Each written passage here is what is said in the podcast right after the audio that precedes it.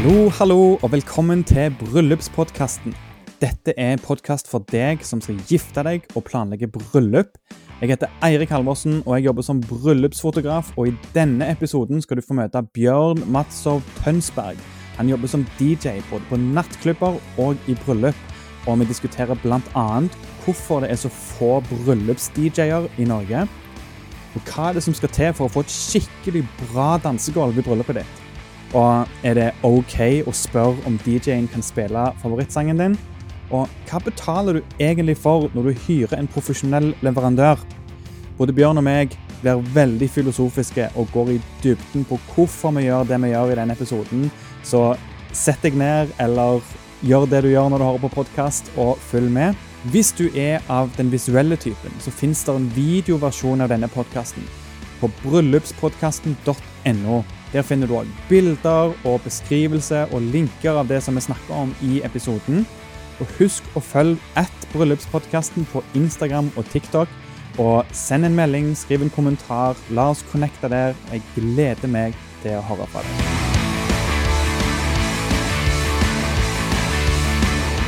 Da sier jeg hallo, hallo, og velkommen til deg, Bjørn. tusen takk, tusen takk, Eirik. Veldig kjekt å bli spurt. Grunnen for at meg og deg så vidt eh, kjenner hverandre, det er fordi vi traff hverandre i et bryllup i Stavanger i 2019.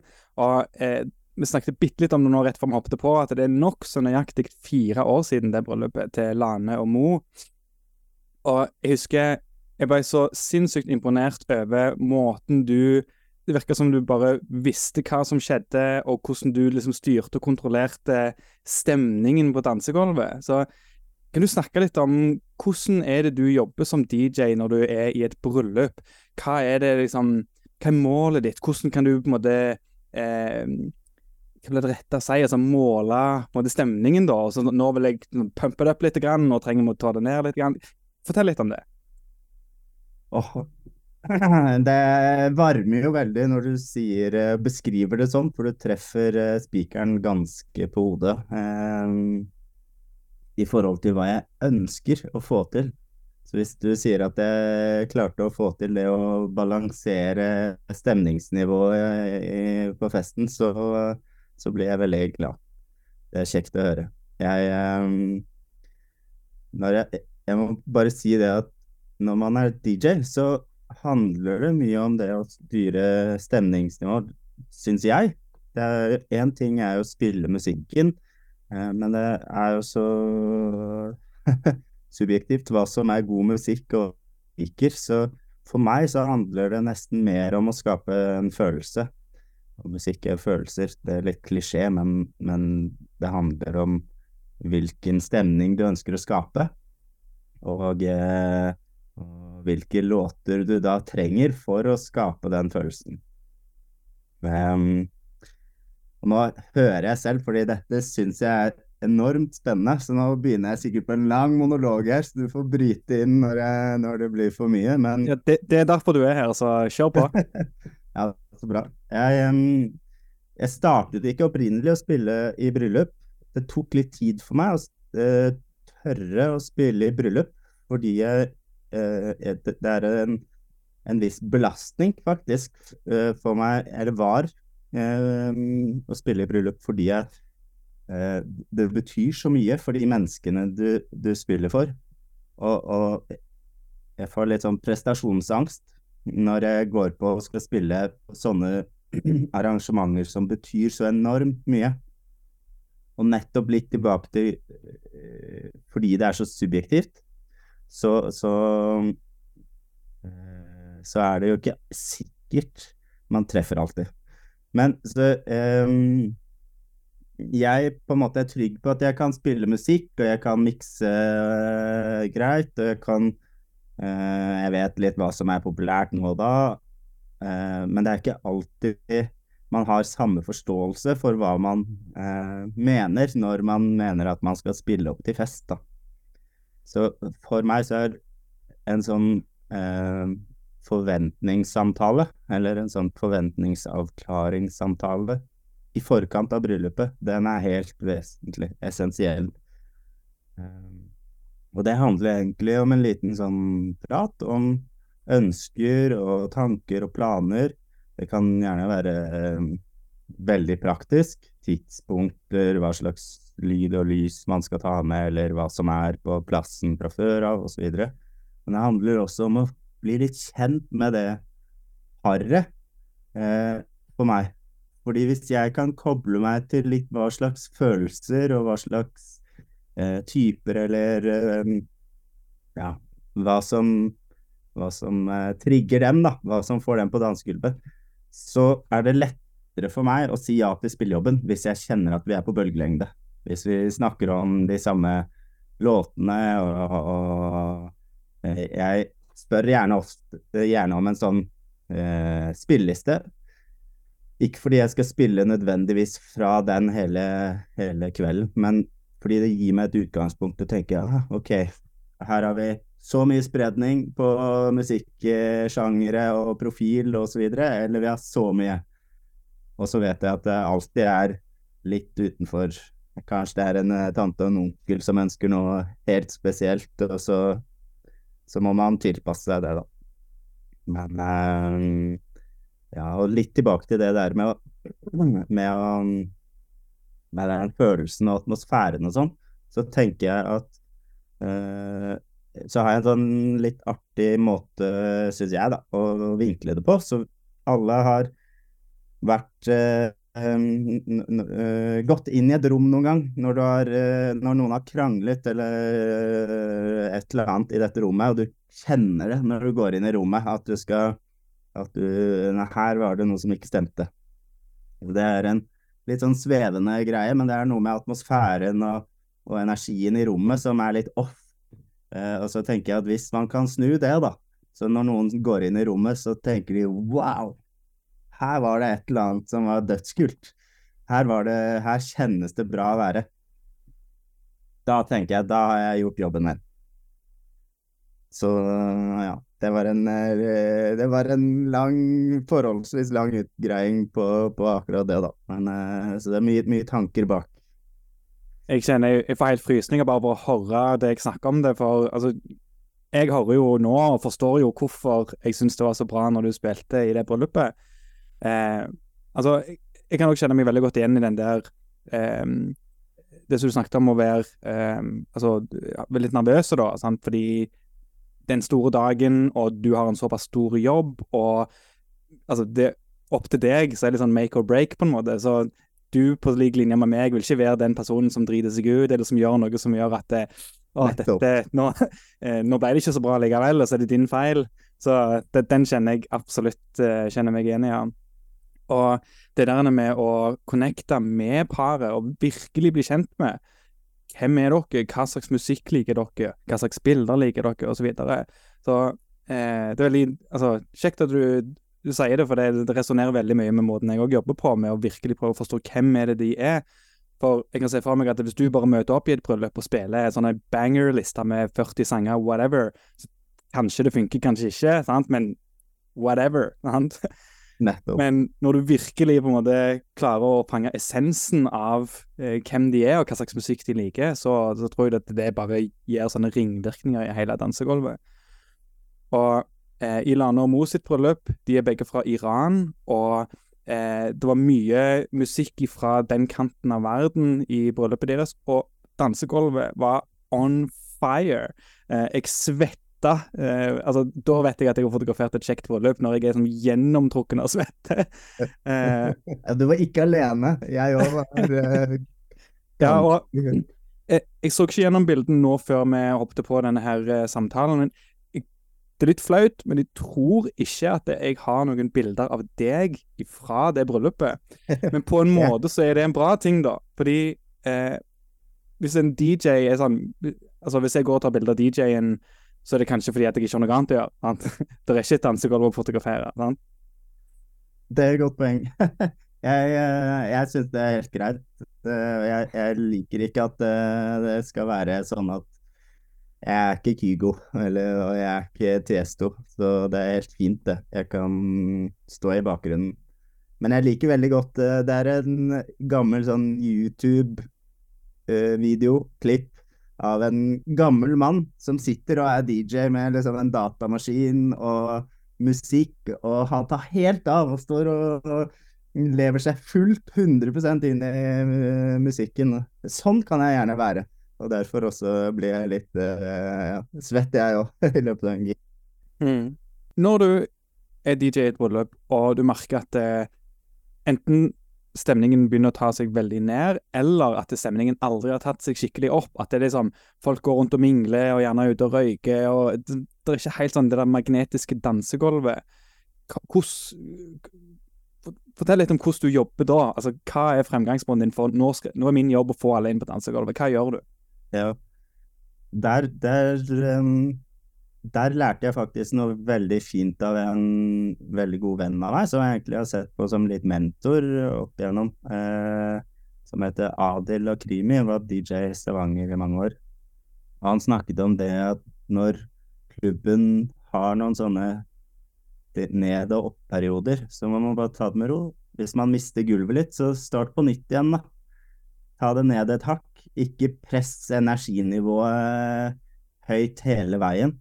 Eh, og tenke at uh, folk er teite som ikke danser. uh, ta, Senk skuldrene og begynn litt på nytt. Og det er veldig riktig i klubbsammenheng, men det er i hvert fall viktig i private fester og arrangementer, og særlig bryllup.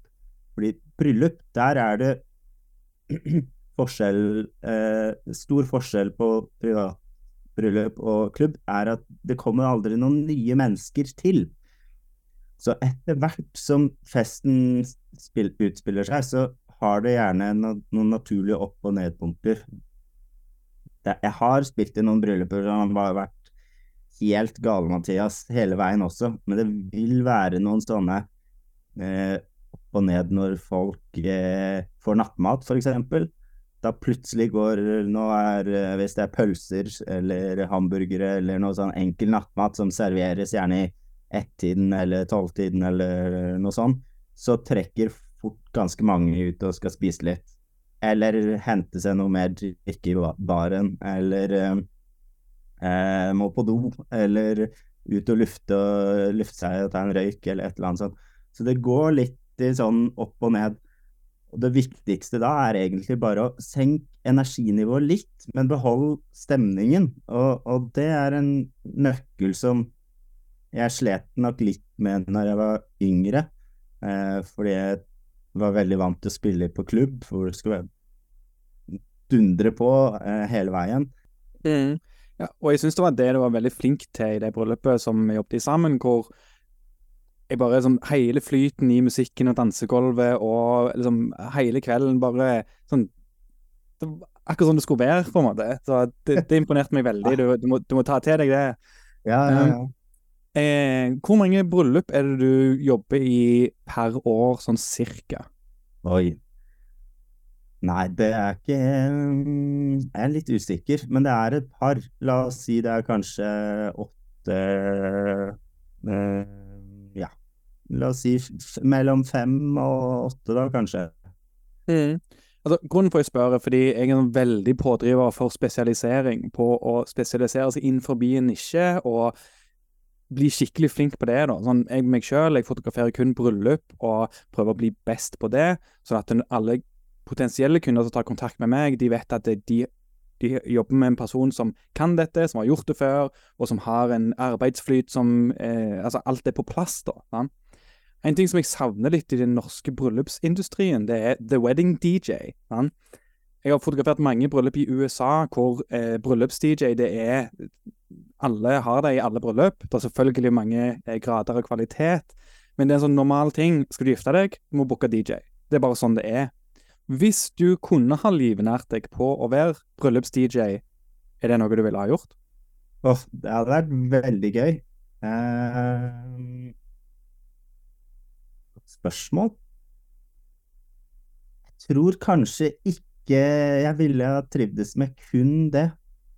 Fordi jeg er så Jeg liker så mye forskjellig, og eh, så hadde jeg nok savnet klubbatmosfæren også. Eller restaurantatmosfæren. Jeg spiller både på klubb og eh, restaurant og bar og bryllup og private arrangement. Og, jeg, jeg, jeg, mis, jeg mister litt inspirasjon hvis det blir for mye av de samme typene. Eh, så eh, jeg tror nok ikke jeg hadde villet kun gjøre det. Men at jeg vil fortsette å gjøre det, det er helt sikkert. Fordi det gir meg enormt mye å spille på vellykkede bryllupsarrangement. Ja, så kjekt. Hva, hva vil du si største forskjellen på å spille i et bryllup og spille på en nattklubb, f.eks.? Nei, på bryllup så Eh, og det tror jeg ofte er eh, noe av problematikken du var inne på med det med bryllups-DJ-en. Eh, for meg så er DJ et serviceyrke, og der det, kan det hende at det, det er mange brann... Ja, det er en brannfakkel og mange som vil eh, ta meg på det, og det kan godt være. Men du utøver en service for noen, særlig i bryllupssammenheng. Og hvis du da ikke er fleksibel Eh, så, så, ødelegger du egentlig kvelden for de som, som er der. Og så er det selvfølgelig situasjoner hvor kunden ikke alltid har rett. I aller høyeste grad. Det er det virkelig når eh, drita onkel kommer inn og spør hvorfor du ikke spiller uh, hans favorittlåt. og så kan det hende at du kan men eh, si nei, men gjør det på en høflig måte, og prøv å prøv og og så I verste fall så spill 30 sekunder av den låten, da, og så tømmes dansegulvet, og så får du bare begynne på nytt igjen, da. Tenker jeg. Ja. Eh, fordi, fordi det, det, handler om å ivareta den festen og den spesielle dagen for de som har booket det. Eh, og det er litt i kontrast til klubb, for klubb, da har Da har gjerne klubben satt noen rammer for konsept, ønsket klientell, ønsket stemning, atmosfære osv. Så, videre. så der har du noen føringer som du kan støtte deg på eh, hvis, hvis, noen kunder kommer og, eller gjester kommer og øns, ønsker seg en låt eh, som du ikke tror passer helt inn. Um, så dette med, dette med, request, det er jo en uh, brannfakkel eller varm på det, alt ettersom. Men Eh, tradisjonelt sett er jeg veldig for å ta imot requests, men eh, alltid sin tid og ja. ja, er det sånn Jeg ser for meg en, det er noe du må veie veldig med omhu. Hvis du tar imot for mange og spiller for mange requests, så blir det vanlig at folk bare resten av kvelden kommer og sier hvilke sanger de vil høre. Det er absolutt en nedside, og derfor også mm, hvorfor mange DJ-er hater det. Fordi, og siden sånne som meg ødelegger litt for dem. Fordi da kommer de neste helg, og så sier de han DJ-en som var her forrige helg, han spilte det vi ville høre på. og så er du i gang, og så Men der tenker jeg at det er uh, opp til um, konseptet eller føringen du har fått fra, fra klubben og venuen du spiller på. Eh, hvis de ikke vil ha en, et sånn type Eh, klientell eller eh, stemning, og de vil at det skal være DJ-en som setter, bestemmer konseptet for musikk og føringene og sånn, så, så, så følger jeg det også. Så der tenker jeg at man må, må tilpasse seg oppdragsgiver også. Det er en fin balanse, da. Selvfølgelig. Ja.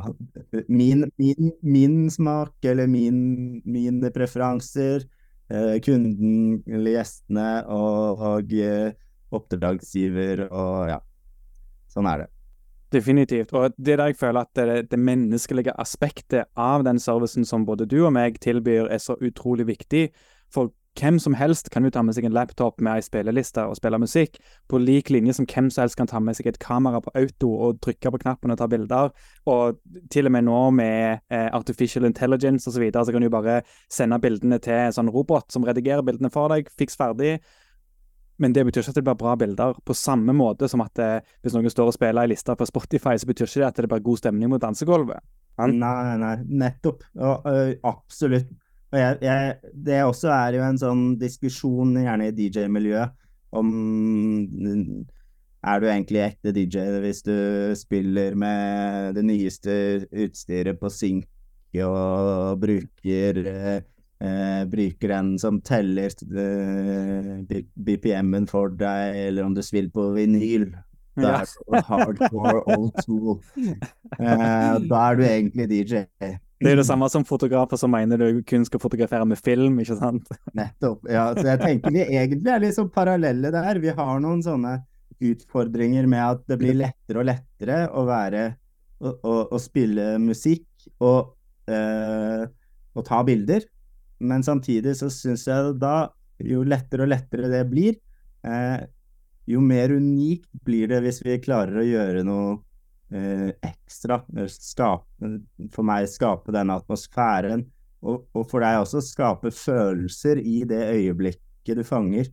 Eh, det tror jeg skiller mange av de eh, DJ-ene, særlig i bryllup, og, og, og, fotografer også, da, uten at jeg skal bevege meg for inn, mye inn på ditt felt. Men jeg, eh, jeg blir jo nysgjerrig, da. Jeg, er jeg inne på noe for deg også, eller? Ja, ja, 100 Altså, du kan ta akkurat det vi snakker om i hvilken som helst industri. Hvis du går og setter deg på en restaurant, og det kommer en servitør og bare slenger maten på bordet og går, eller som bare tar bestillingen din, og så får du maten, og så spiser du. Det er liksom én ting, mens en annen servitør som virkelig spør deg spørsmål, lurer på hva du liker, vil du ha denne vinen eller denne vinen, denne anbefaler jeg fordi at ABC er sånn. Du har en helt annen opplevelse av å spise når du blir skikkelig godt tatt vare på, når du føler at personen som du kjøper tjenesten av, faktisk bryr seg om deg som person. Det er jo alfa og omega, syns jeg, da. Og ja, om du, si, om du, så skal kjøpe en ny bil altså I hver en industri da, så tror jeg at det menneskelige aspektet fremdeles vil være veldig viktig. Og iallfall nå når det er så mye snakk om alle de ja, artificial intelligence og alt det der nye teknologien som kommer og liksom skal stjele jobbene våre. Mm. På en måte så tror jeg og syns at det er litt bra, fordi da blir det menneske, menneskelige aspektet framheva desto mer, da, tror jeg. Mm. Nettopp. Jeg, jeg, jeg, er helt enig. Jeg tror også det. Og jeg, jeg um, ser jo absolutt verdien. Jeg har jo vært innom noen plasser som gjerne har uh, Spotify. De har en sånn fin overga uh, overgangsfunksjon hvor du kan liksom Transition mellom låtene går litt i hverandre, og du får, du får sånne nestenoverganger, da. Um, jeg syns det funker bra. At det er fin, sin, sin, sin bruk. Uh, men jeg syns også at det mangler noe. Men nå er jeg selvfølgelig biased, og, uh, men, men det, jeg, jeg, har fortsatt troen på at eh, jeg, jeg syns jeg har noe å tilføre som DJ, da. Og, og som DJ generelt. og når jeg møter kolleger som jeg får helt, uh, blir helt, uh, får helt overtenning av. Så det er jo noe helt annet, og det klarer ikke Spotify eller iTunes eller Tidal eller hva det skulle være, å gjenskape med med, AI. Helt ennå, i hvert fall. Så enn så lenge så tenker jeg at dette er helt konge, det. Ja, sånn sett så vet vi jo for så vidt ikke helt hva framtida bringer på det, eh, eller når vi kommer til det aspektet, da. Men eh, Hva er det jeg skulle si nå? Eh, jo, bare generelt tilbake til det med eh, det, det, menneskelige aspektet i det. Altså, det tror jeg kommer med erfaring, og det kommer med mengde. sant? Jo, jo flere ganger du er DJ i et bryllup, jo flere ganger jeg fotograferer bryllup, jo mer erfaring kommer der inn i den kroppen, da. sant? Ja, ja, ja. Og, og, det er jo det du betaler for når du betaler for en sånn type profesjonell tjeneste, hvor du kan plotte inn hva som helst i en datamaskin. Venninna di eller kompisen din kan være verdensmester og lage de kuleste festlistene på Spotify, så hver gang dere har fest og ute og griller eller hva nå enn, bare Oh, Jimmy! Sant? God stemning hver eneste gang. Du må eh, lage lista til bryllupet vårt. Kan være det blir bra, men det kan òg være at det blir bare veldig robotisk og ikke helt matcher med sånn som energien i bryllupet som ebb and flow, da, litt sånn som du snakket om, at det går litt, litt opp og ned. Ja. Absolutt. Jeg, jeg, har jo blitt spurt et par ganger om jeg har en spilleliste eller et sted hvor jeg har min musikk, og man kan liksom eh, koble seg på, da. Så, gjerne etter en kveld som har vært vellykket. Og der må jeg innrømme, jeg har liksom ikke noe Jeg har min musikk som jeg kjøper og laster ned og lager systemet på hos meg. Men hvis jeg skulle lagd noen sånne spillelister Jeg vet nesten ikke om jeg hadde turt å gi dem ut engang, for da blir det noe helt annet. Klarer ikke å skape den uh, samme stemningen av å bare sende en spilleliste. Så uh, ja. Men, men det kan jo godt hende det kunne funket også. Ja. Det, er ikke, det er ikke noe fasit for meg på det der. Nei, men altså, det er jo ikke noe fasit generelt, tror jeg. Men det, det vil alltid være noe som funker noen ganger, men ikke alle ganger. Man. Så denne tilpasningsdyktigheten er nok eh, en viktig faktor, da. Om, når du har eh, vært DJ i bryllup, hva er det sykeste eller sprøeste som du har opplevd på dansegulvet? Oi. Oi. Godt spørsmål. Eh, Bare av erfaring så vet jeg at det noen ganger kan det ta helt av. Ja da, jeg, men jeg kan eh, Hvis jeg kan få lov å ta snu litt på den, da. Fordi jeg har, jeg har en som har skikkelig krise. Skikkelig krise, og det er vondt bare å snakke om det. Ja, få høre. og så er jeg en som er helt motsatt ende av skalaen, som er eh, bare perfekt. Så jeg, jeg tenkte jeg kan, jeg kan, starte med den som er helt krise. Ja. Helt krise. Og det var en av de eh, giggene som gjorde at jeg ble veldig bestemt på denne forventningssamtalen på forhånd. Eh, for da har jeg booket til et bryllup, og kjempeflott bryllup. Eh, veldig stas, og det var flere artister med, og jeg ble sittende på backstage, og vi koste oss. Så dessverre så varte jo bryllupet veldig lenge. Det var veldig mange taler, og det var veldig sent før vi egentlig kom i gang. Jeg tror helt ærlig at jeg kom ikke på for å spille før nesten sånn halv ett, kvart på ett. Dritseint. Way ja. past Eh, og folk var selvfølgelig slitet, slitne tunge, litt sånn halvtrøtte, og så skulle jeg spille opp brudevalsen.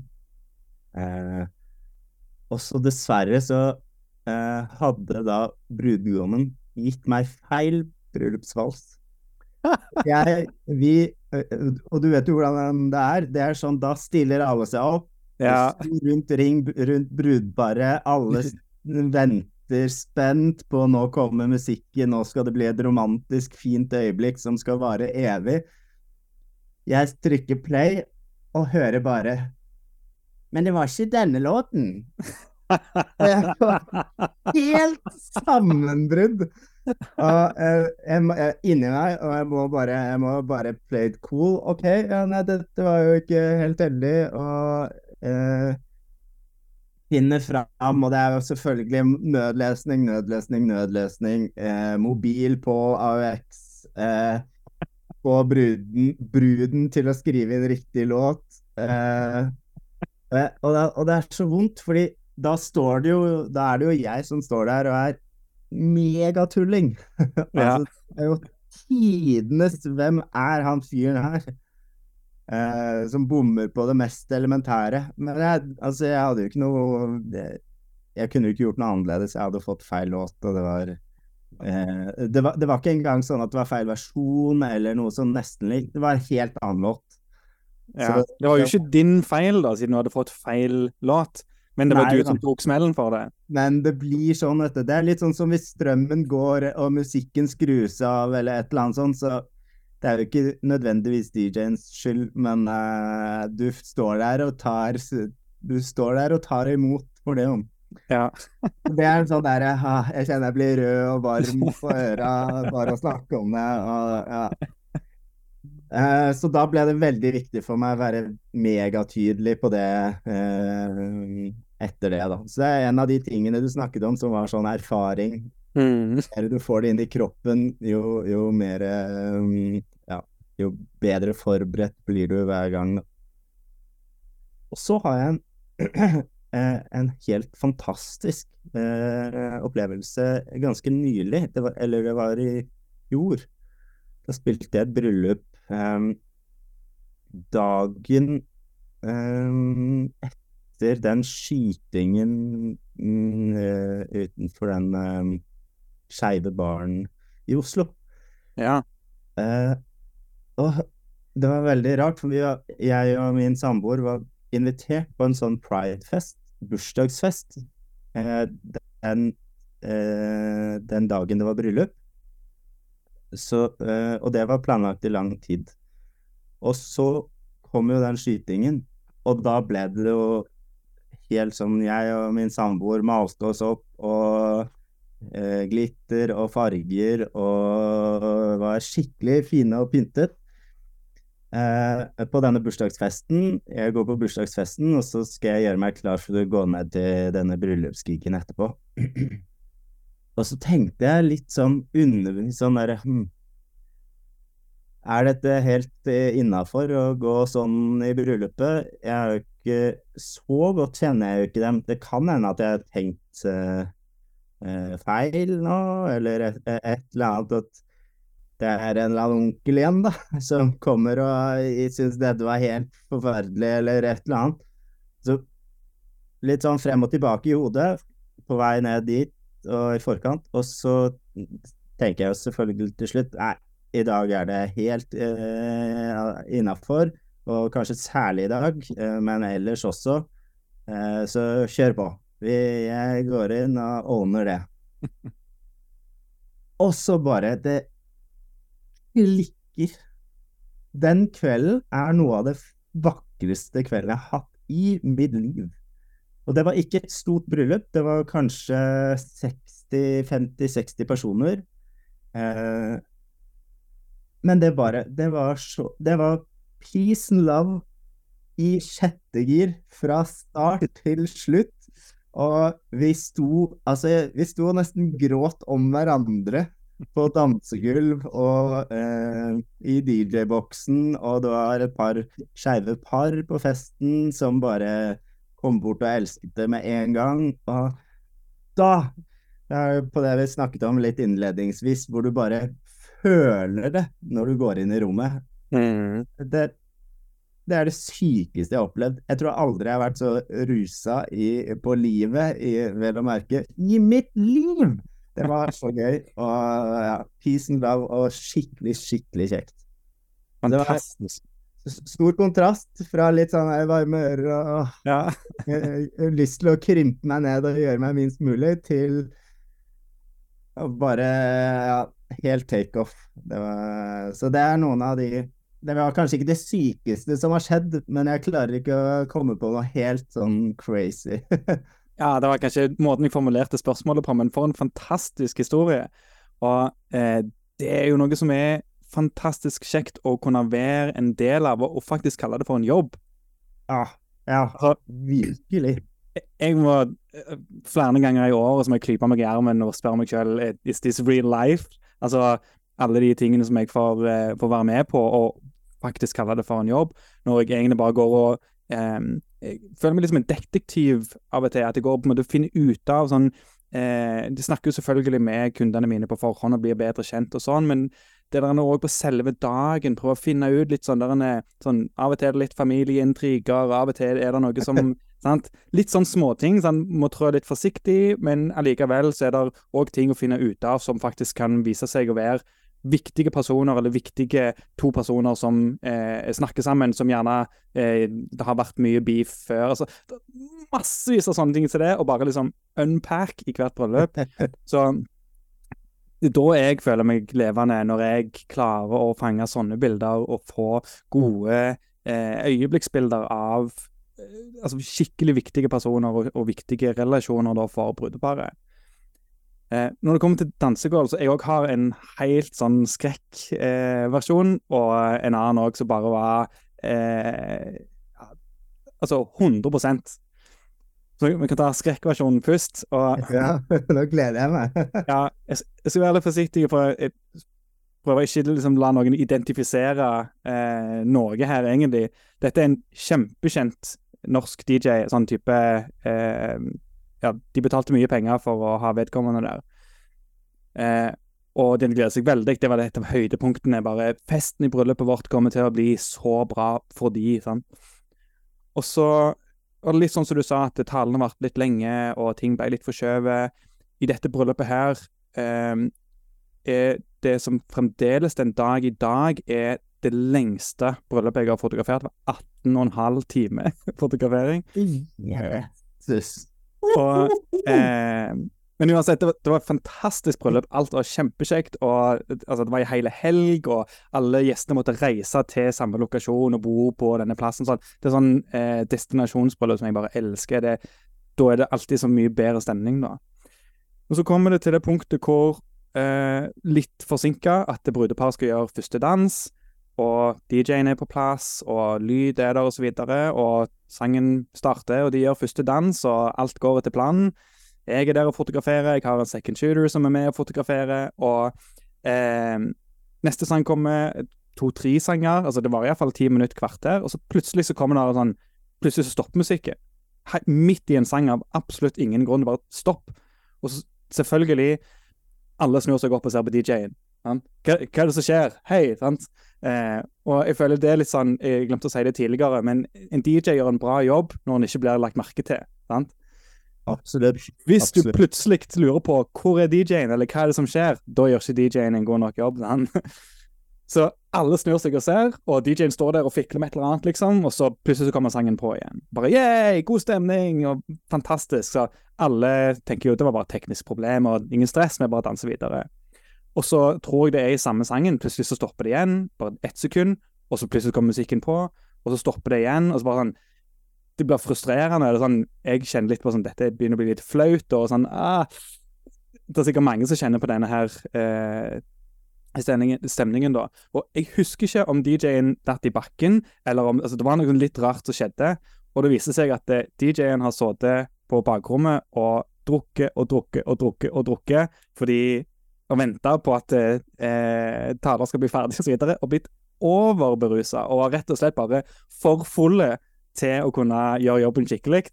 Så det endte opp med at det var en sånn fem minutters pause. altså De sendte vedkommende til, et rom for å gå og legge seg. Og så var det eh, broren og en kompis av brudgommen som tok affære, og rett opp med mobiler og så videre, og begynte å sette i gang og lage til ei liste. Så de tok seg av musikken resten av kvelden. Wow. De hadde betalt dyre dommer for en norsk type sånn topp 20 DJ liksom, til å komme og spille. Og- Oi, oi. Det var, det var ikke bra. Nei, nå kjenner jeg, jeg Hjertet mitt synker ned i magen bare både på vegne av bryllupet og brudeparet, og egentlig litt på DJ-en også.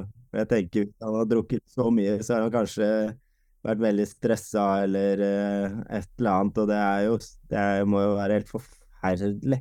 Jeg tenker hvor stressa jeg blir uh, av å, av å, å Tenk om jeg spiller én feil sang i løpet av bryllupet, liksom. Uff. Jeg tror Ja. han hadde det kjipt når han våkna etter den der. Det kan ikke ha føltes uh, veldig godt, i alle fall. Var Eh, en sånn fantastisk historie som jeg har når det kommer til dansegulvet, det var et bryllup jeg fotograferte i Phoenix i USA, hvor paret hadde eh, Det òg var sånn fl- flere dager, de samla alle eh, menneskene, familie og venner som kom dertil. Eh, de gjorde masse greier ut av bryllupet. Hun, bruden er yogainstruktør, så hun hadde sånn hot yoga sweat session med gjester som ville være med dagen før bryllupet. okay. Og bare sånn masse kule, gøye ting da, som virkelig reflekterer hvem brudeparet er. Så på selve bryllupsdagen så hadde de, eh, de hadde vielsen i en botanisk hage med fullt opp kaktuser og sånn. Og så hadde de eh, festen på en kunstgalleri med mye sånn abstrakt kunst. Og alt var bare sykt sånn Absolutt ikke sånn som et bryllup pleier å være. De hadde ei gammel meksikansk kone som Jeg husker ikke hvor de kom i kontakt med hun, men eh, det var ei meksikansk dame som hadde noen sønner i en helt annen forbindelse, som de bare kjenner til. Og så hadde de spurt om eh, hun kunne komme og lage mat, fordi hun var veldig flink og drev et sånn cateringfirma i Mexico, men ikke der som de bor i, eh, i USA. Et eller annet sånt. Så de hadde bare eh, taco til middag, så alle gjestene gikk og eh, forsynte seg sjøl med taco som de hadde lagd sånn skikkelig sånn som de lager hjemme sjøl, ikke sånn restauranttaco. Eh, og på dansegulvet de har òg en kjempeflink DJ som òg, akkurat som deg, leser rommet, forstår hvordan liksom, Opp og ned og så videre. Eh, to ting som han gjorde. Det ene var eh, han spilte Time Warp fra eh, Rocky Horror Picture, Ja. Show, hvis du har sett den. Ja, ja, ja. Den har jo veldig distinkt dans til seg, og plutselig så bare boom, alle gjestene på, og begynte å danse og kjørte på. Og alle kunne den dansen, og jeg bare Dette er jo det råeste. Sånn, en ting er når, når folk danser sånn square dance og sånn, det er ganske normalt, men når alle kan én spesifikk type dans fra en film, så er det bare Det er så kult. Og så utover kvelden da, så ble det mer og mer personlig, og brudeparet veldig sånn der punk-ska-type folk. Så plutselig så var det bare sånn, sånn Rancid og No Effects og sånn de spilte, og folk two-step-dansa og moshpit og hele pakken. Tok armhevinger på gulvet og bare tok flatt av, liksom. Det var en sånn kjempekjekk opplevelse hvor alt bare klaffa fordi både musikk og paret og gjestene alle bare var seg sjøl og bare gjorde og uh, la det opp til at det kunne bli sånn som de er. Og det, det bare var helt fantastisk. Åh, det høres ut som de traff eh, blink, da. For en Eller, for, eh, eller bare spole tilbake for en reise det var vært for, for deg òg, da. Eller opplevelseshelg. Altså, ja, det, det var helt, helt ekstremt. Altså det, Hva skal jeg si? Jeg må klyve meg i armen. Og Ja, altså, is this real life? Jeg har mange sånne eh, øyeblikk i løpet av et år, og det Ja, jeg føler meg veldig heldig som får lov til å kalle det for jobb, da. ja, ja. Men så tror jeg det igjen Det koker kun tilbake igjen til det menneskelige aspektet, og noe som er riktig for både meg og deg, og for andre som har, eh, tilbyr en tjeneste, er hvis du faktisk bryr deg om og lurer på, genuint lurer på, hvem er kunden din? Sant? Hva er det som driver deg? Hva bryr du deg om? Hvem bryr du deg om? Hva liker du?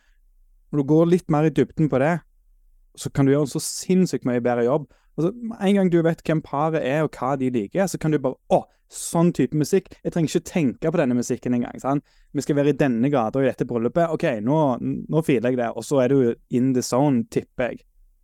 Ja, ja, jeg spot on. Det er, jeg tror det å være litt nysgjerrig på, på, på, på personen og på stemningen og hva de ønsker, og uh, Ja, jeg, du, du sier det veldig fint og presist, egentlig, selv der med det, det Hvis du genuint ønsker å lage et godt resultat av bryllupet, så, så, så spør du jo, og så undersøker du, og så finner du ut av, og så mikser du det, eh, det du da får vite, sammen med litt erfaringer, og, og, eh, og da blir det som regel veldig bra. Men, men man må gidde. Man må eh, ta seg tid til å gå gjennom og vurdere. Og jeg blir ofte litt sånn tidsrigid. Så jeg, jeg, må, jeg må ofte gå gjennom hele dagen i hodet. Eh, Så jeg spør ofte om sende, altså hele programmet for hele dagen deres. Og så går jeg gjennom eh, dagen deres eh, i hodet. Og så tenker jeg ok, her er de sikkert litt slitne. For ofte så spiller jeg to deler. Så kanskje jeg spiller litt minglemusikk et sted, eller kanskje jeg spiller eh, før, uh, ja, før party, eh, eller jeg spiller noe greier um, før middagen eller underveis i middagen osv. Så, videre. så det er ofte forskjellige typer sett. da. Hvis jeg da kan koble meg litt på hvordan dagen til folk har vært til nå, så er det så mye lettere for meg å lese eh, eller ta det med inn i den ligningen, da. For å lese hvor, hvor, hvor skal vi gå videre herfra.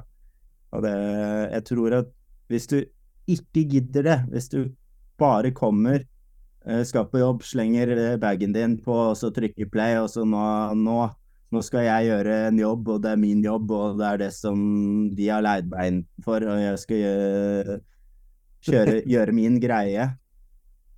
Eh, så, så tror jeg kanskje ikke bryllups-DJ-ing er helt tingen. Men jeg, jeg skal være veldig forsiktig med å si det, for jeg vet at det er mange DJ-er som eh, tenker litt annerledes. Men, eh, men for meg så har dette vært eh, en, eh, en god løsning, da. Og så, har det sikkert noen andre noe annet å tolke. Altså, ikke hold deg sjøl tilbake nå, for nå er du akkurat inne på Nå er du helt inne på kjernen av det som jeg sa innledningsvis, med spesialisering. Det med å bli best på én gren, ikke sant. Du går til sushirestauranten for å spise sushi, du går til hamburgerrestauranten for å spise hamburger. Du går ikke på ABC-restaurant som har både hamburger og sushi. Da får du ikke den beste sushiopplevelsen eller den beste hamburgeren. Du må gå til spesialisten for å få den der røykte smaken ifra når de har grilla hamburgeren på ekte kål, eller de som bare eh, virkelig forstår fisk og hvordan du skal skjære Altså, Ja. nå, det, det var bare en, en kort rant, da, men Nei, men bring it. jo, men eh, det som jeg syns er så eh, Du sa noe som bare traff 100% og det er at eh, du må gidde. Jo, jo mer du gidder å spørre spørsmål og være nysgjerrig og genuint være interessert i din kunde for å gjøre en bedre jobb, jo Det som jeg mener skjer da, det er at det, du hjelper de å trekke mer ut av, de, av det som er de. Du, du hjelper de å, å få de til å komme mer fram, ikke sant? I kontrast til det, så har du den andre DJ-en da, som har ei ferdig spilleliste. Her er det 50 sanger disse skal spille i kveld. Jeg skal pump it up no matter what, og så får folk bare følge min lead. Sant? Altså, det, Der har du de to helt forskjellige eh, måtene å gjøre ting på. Jeg personlig, dette er min mening, og det har ingenting med deg å gjøre, eller andre fotografer eller noen å gjøre. Jeg, jeg takler ikke den der 50 sanger og skal bare spille det. Det er det samme som en fotograf som kommer og jeg skal ha dette bildet i dag, jeg skal ha dette bildet, og har ei liste over ting som jeg skal krysse av disse her bildene fordi jeg skal poste det på min blogg eller på min Instagram, og jeg skal Å, nå skal jeg alle se eh, at jeg har tatt bilde av denne fine ringen, for eksempel, fordi den ringen er fra det merket, og det merket har jeg lyst til å bli assosiert med som fotograf. og så videre.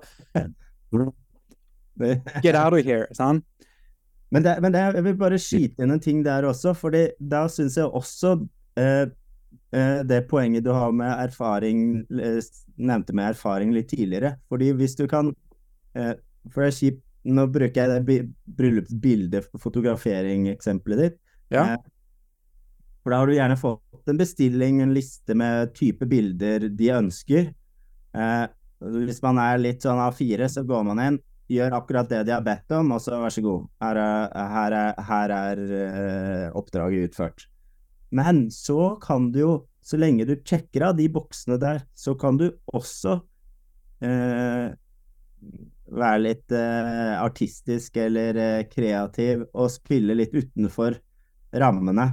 Og se og føle deg fram. Og det syns jeg også er veldig givende i den settingen. Så det, for meg så handler det ikke bare om å eh, spille av eh, det jeg vet de liker, men også gjerne lede litt og, og, og føre litt og, og krydre litt med noe som jeg tenker kanskje de De har ikke bedt om det, men kanskje jeg kan overraske med noe. Og det tenker jeg jo for din del. Og plutselig får du et sånn major moment i en eller annen funny setting på dansegulvet, eller et eller annet som selvfølgelig ingen har forutsett. Og så kan det plutselig komme det i tillegg. Så gir det jo noe Ja. Ja. Det er et trent øye som får til, vil jeg tro. Helt enig, men bare for det, nå er du ett lag opp forbi igjen. For å ta det tilbake igjen til kjerna, så vil jeg spørre hvor kommer den avkrysningslista fra, da? Sant? Fordi i, av, i, Etter min erfaring så jeg skal si det litt forsiktig, for det kan tolkes feil, men veldig mange personer de vet ikke helt hva de liker, eller de har vanskeligheter med å ordlegge det sånn skikkelig. Ja?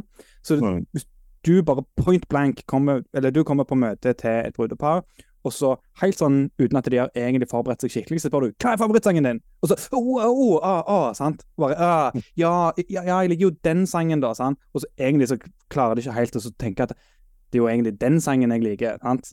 Det var en veldig banalt for, uh, forslag. Men, eller, men, men, men du treffer på det, fordi det er ofte mange som sier vi vil, vi vi ha fest, og så sier de ja, litt moderne musikk.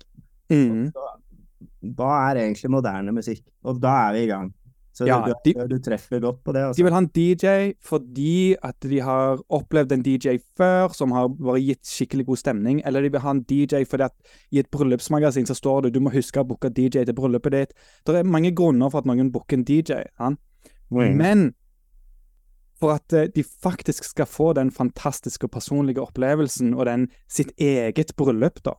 Tenk hvis DJ-en, tenk hvis fotografen, tenk hvis floristen, tenk hvis eh, kjøkkenet, altså kokken eller eh, kjøkkensjefen, tenk hvis, eh, tenk hvis hver eneste person som er delaktige i å få bryllupsdagen til å bli bryllupsdagen til Nina og Trond. sant? Tenk hvis hver en av de går i dybden? Og virkelig sørge for at eh, de får den maten som de vil ha, som ingen andre pleier å ha i bryllup. For det, er den maten de liker. De har den og den musikken, for det, det minner de om når de traff hverandre, og den musikkinteressen som de har, og som de har eh, utvikla mer i sammen. ikke sant? Og eh, de er gjerne kjempefamiliekjære med foreldre. De kan være de har barn sjøl, at barn er det viktigste i hele verden. Så de booker en fotograf som de snakker med, og som faktisk fotograferer de tingene. Istedenfor at eh, DJ-en skal bare spille fra eh, topp 20-lista. At eh, kjøkkenet de har tre forskjellige treretter som de serverer i alle bryllup, så velg en av de tre. Fotografen går og tar bilder av blomstene, borddekningen og noen portrettbilder og whatever. Sant? Altså, der har du det jeg mener med spesialisering. Hvis jo flere tilbydere i bryllupsbransjen som spesialiserer seg innenfor sitt felt, som faktisk tar hjertet med seg inn, og som bryr seg om kundene sine, og klarer å tilpasse sin ting da, til hvert enkelt par det, altså, det betyr jo ikke at du plutselig en dag skal du kun spiller country, og neste helg så er det bare black metal. Sant? Altså, det betyr at du, du må justere litt for hver kunde, sånn at du tilpasser deg. og da syns og mener jeg at eh, sluttresultatet blir så ubeskrivelig mye bedre. Ja. Amen. Amen. Og det er jo ofte noen av de tingene som kommer Altså, det, det, det kommer med erfaring, det kommer med en selvtillit eller en, en, form for pondus eh, til å bevege seg litt utenfor komfortsoner også Eh, den kunstneriske friheten eh, og, og, evnen til å se øyeblikket for den kunstneriske friheten eh, også. Det tror jeg, jeg, Hvis jeg sammenligner meg selv som DJ nå og eh, for ti år siden eller tolv år siden jeg begynte, så er det jo Eller fire år siden, for den saks skyld. Så er det natt og dag. Mm. Eh, og, og jeg, jeg har hatt mange gode spillejobber før i år. men, men jeg, jeg, tror at den pondusen og den eh, man etter hvert får, gir en trygghet. Og den tryggheten, altså det, det er jo som med talere. Uh, hvis du går, står opp og holder en tale og er litt usikker, så merker folk det. og det samme med, med Uansett hvor mye du har øvd på forhånd, Eh, eller hvor, hvor, sjekkliste, og du sjekker av alt det riktige. Hvis du er litt utrygg eller litt usikker, eller så skinner det litt igjennom, da. Så er det vel sunt med en liten nerve, for da er du oppe og nikker, eller oppe og tærne, holdt jeg på å si. så klart. Det, det, tror jeg er, er, viktig i alle ledd, for å si det sånn. Eh, en ting som du sa litt tidligere, som vi prøver å huske tilbake til, med eh, det med erfaring, det altså når man starter med noe, så selvfølgelig det er litt humper i veien, og du glemmer en kabel hjemme, eller eh, jeg, Altså, jeg, jeg, har gjort mange feil som folk har betalt meg for. Sant? og det har helt sikkert du òg, opp gjennom ja. årene. Så det, det, var bare en tanke Det bare slo meg når du snakket om det, det bare kom jeg på det igjen nå, at eh, det er jo en kjempebra liste, og så lager jeg liste over alle feil som du har gjort oppover din karriere. Sant, som andre har betalt for. At du glemte laptopen, du har glemt en kabel, eller sant, ting som alle sånn Dette har tidligere kunder betalt meg for, sånn at du skal slippe. Sant?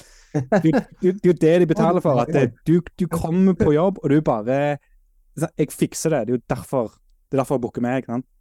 Ja, ja, ja. Det er et godt uh, bilde på det, egentlig. For det, det, er jo mye det det handler om. Hvorfor koster man så mye, så, så mye. Jeg, jeg er overhodet ikke en av de dyreste, men jeg er eh, ikke den rimeligste DJ-en heller. Og mm. mye av det jeg betaler for da, er jo eh, ja, kanskje den tryggheten da, på, på at du, du, du, er en slags garanti eh, for en vellykket kveld. Fordi noen andre har betalt for feilene på forhånd. jeg likte dem. ja, ja men det, det, er jo sant. men jeg har hatt noen sånne hvor jeg hvor plutselig minnepennen er, eh, ikke funker. Eh, hva gjør du da?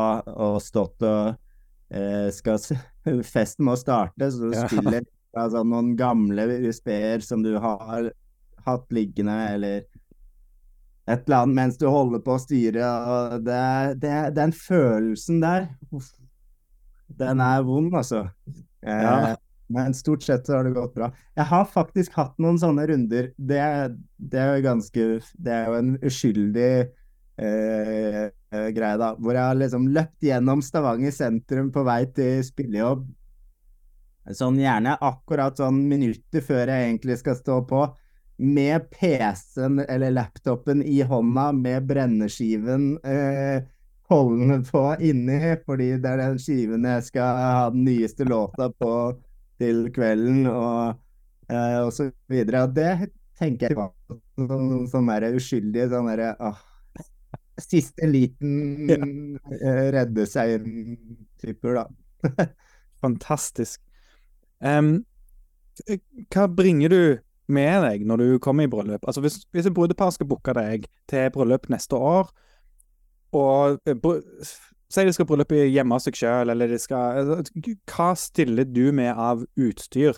Varierer det, eller er det sånn 'dette tar jeg med meg og stiller opp med'? Det, det varierer veldig. Uh, nå i sommer så har jeg et bryllup hvor jeg uh, tar med lyd og lys også. Jeg har noe lyd uh, selv, og så har jeg miksepult selv. og så leier jeg inn det jeg måtte trenge utenom. Mm. Men fortrinnsvis så ønsker jeg å komme til et ferdig rigget, eh, hvor jeg kan eh, koble til kun mikser, da, eventuelt. Eh, hvis de ikke har mikser fra før av. Eh, fordi det, det, det, skaper alt, Det er alltid litt mer eh, tid som går med til å rigge og lydtest og sjekke, og plutselig er det, som du sa i sted, en kabel som mangler, og så er det liksom et ledd som du Igjen, ikke, det er ikke alltid du som har eh, skylden, men det er du som har ansvaret. Ja. Og, og, da krever, kreves det mye mer. Um, så det, det, Ja. Jeg gjør det, men eh, da, da, da, jeg foretrekker å ikke gjøre det. Ja, jeg ser den. Og du sa du har jo bodd i Stavanger og du har bodd i Bergen en liten periode, og nå har du flytta tilbake til Østlandet, hvor du er fra, stemmer det? Ja, stemmer. Nesodden utenfor Oslo. Ja, så eh, er det helst på Østlandet du blir booka til bryllup, eller er du tilgjengelig over hele landet? Oi, jeg har egentlig vært um, over uh, Ikke overalt, men ganske mange forskjellige steder. Jeg reiser uh, rett som det er både til Bergen og Stavanger for oppdrag fortsatt. Ja, så kjekt. Det, altså Men jeg tror ikke jeg er i USA, så det hørtes ut som eh, du må hooke meg opp med noen eh, amerikanske bryllupsjobber. Det hadde, ja, kanskje det. det. Der er det intens eh, konkurranse, da, for å si det sånn. Der er, der er det veldig mange DJ-er men jeg ser, det. Eh, jeg ser det på TikTok og sånn òg. Jeg mangler egentlig DJ-er å anbefale. Så eh, det at du er tilgjengelig til å reise, det gjør at uh, uansett hvor i landet jeg er, eller utlandet om det så var, eh, og har et bryllup, så kan jeg anbefale deg som DJ. For jeg håper virkelig at meg og deg kan eh, jobbe sammen mer i framtida. Og det syns jeg var skikkelig gøy. Ja. Du, kjempekjekt du sier det, Erik, og tusen takk i likeså. Eh, jeg, jeg er sånn bring it, og så passer det ikke, så passer det jo ikke. Men det er kjempekjekt å bli spurt, og jeg har ikke noe mot å reise litt. Eh, jeg, det er kjekt. Det må ja, lufte seg litt innimellom. Ja, det er viktig. Hvor lenge har du holdt på som fotograf i bryllup? Eh, jeg fotograferte mitt første bryllup i 2009.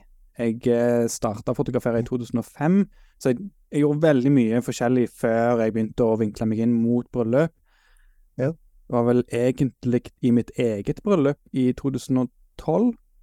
Ja, det er over ti år siden, faktisk. Eh, da hyrte vi en amerikansk bryllupsfotograf. Jeg var litt inne i fotobransjen da eh, allerede, og når jeg undersøkte fotografer til mitt eget bryllup, så ville jo på en måte finne noen som var litt, eh, litt mer spesiell, eller noen som var litt mer unik. Og egentlig så har jeg hele mitt liv syntes at eh, bryllupsfotografi er ganske sånn kleint og klisjé.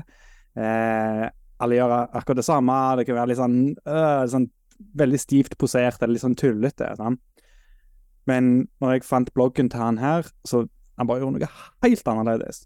Og han sånn som reiser til hele verden, Italia, Singapore og Irland og liksom OK, så vi sendte melding til han, eller mail, spurte hva er det som skal til for at du kan komme til Norge og fotografere oss.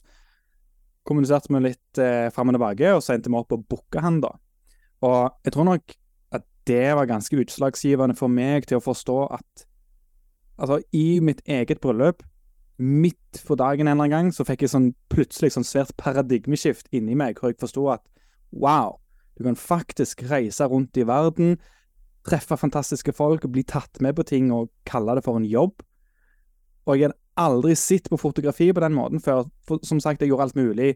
Eh, jeg jobbet i Rogalands Avis i et år med å fotografere håndballkamper og politikere og hva nå enn. Og jeg fotograferte eh, barn og familier og konfirmanter. Jeg fotograferte mat, altså matbloggen til Craig. Han hadde begynt med matblogg i Rogalands Avis, og en gang i uka så var jeg alltid oppe hos han og fotograferte til hans uh, ukens oppskrift, eller hva det heter. Så alt mulig. Men det var liksom I vårt eget bryllup så fikk jeg den der Sånn det bare skifta inni meg. Bare Wow! Jeg har aldri sett på fotografi på denne måten før. Så jeg bestemte meg bare for at nå skal jeg spesialisere meg. Nå skal jeg bli best innenfor bryllupsfotografi og gjøre alt jeg kan for å, å få til det. Det var gjerne litt langt svar på spørsmålet ditt, men Nei, det er så interessant. Men hva var det Hva var det som trigget deg midt uh, under, under, dagen her? Jeg husker ikke om det var en ting, men det var bare jeg plutselig fikk en sånn forståelse, sånn epiphany. Sånn wow. Her, liksom. Der, jeg har aldri sett på bryllupsfotografi på den måten før. fordi vi flyttet jo han inn fra California. Han bodde hjemme hos oss på gjesterommet vårt. Vi tok han med til Prekestolen. Det er jo det vi gjør når vi har besøk utenbys ifra. Han tok forlovelsesbilder av oss rett ut i gata.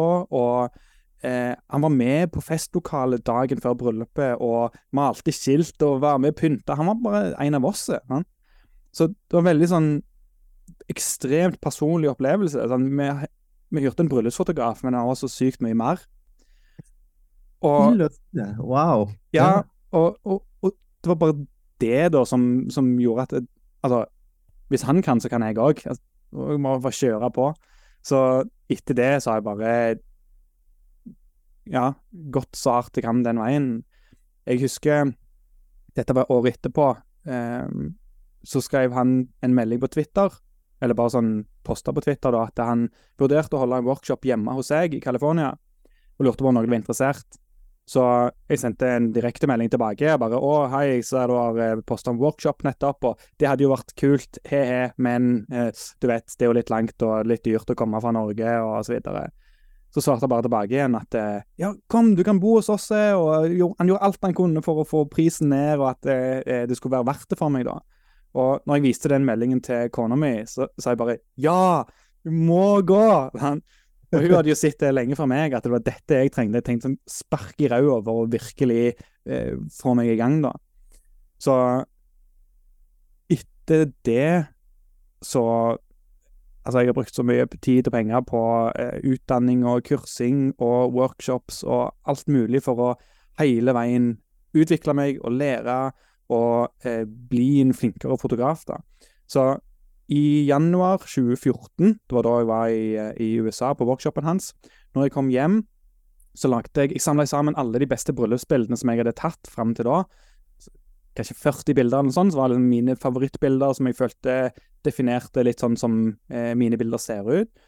Og så lagde jeg et album på Facebook som var tittelen 'Skal du gifte deg? Jeg vil fotografere bryllupet ditt'. Og så posta jeg det. Og så lagde jeg en annonse på det, og bare eh, altså på den tida når annonser viser til alle typer ting. Så i løpet av tre dager så fikk jeg 33 forespørsler, og jeg booka 13 av de bryllupene. Og jeg hadde en fulltidsjobb da i 2014, Og i 2014 totalt så hadde jeg 20 bryllup i tillegg til en fulltidsjobb. Så jeg hadde egentlig 200% jobb. Eh, og det var første gangen jeg hadde eh, altså, Jeg tror nesten alle 20 bryllupene var på rad. Altså helg etter helg etter helg etter helg. etter helg. Og da brukte jeg hvert eneste bryllup som sånn stepping stone til neste. Jeg redigerte bildene og reviderte, og prøvde å finne ut hva var det som ikke gikk så bra denne helga. Kanskje oppstilte gruppebilder av familie. Det, det kan jeg bli flinkere på. OK, så jeg fiksa det neste helg, Og så videre, og så videre. Altså, hele veien prøvde å finne én ting som jeg kan forbedre eller gjøre bedre i neste bryllup. Så det har bare blitt en sånn ongoing ting, at jeg hele veien prøver å ha mål om noe som jeg skal gjøre litt bedre enn det jeg gjorde tidligere. da. Så det har drevet meg eh, siden. Så igjen, langt svar. Eh, siden oktober 2015 da sto jeg på egne bein og var fulltids. Den sommeren 2015 da sa jeg opp den dagjobben jeg hadde. Så siden da så har jeg fotografert par og bryllup i alle fylkene i hele landet. I elleve land og ti forskjellige stater i USA. Så det har vært ganske crazy. Eike! Fy søren, så inspirerende. Det er dødskult å høre. Jeg kjenner jeg blir sånn ah, Det er noen paralleller der med den Når jeg begynte å spille uh, som DJ, altså virkelig gå inn for det. Fordi jeg jobbet mye forskjellig i utelivsbransjen og er egentlig bartender og, og egentlig barsjef på en, eh, en periode. og dørvakt og diverse.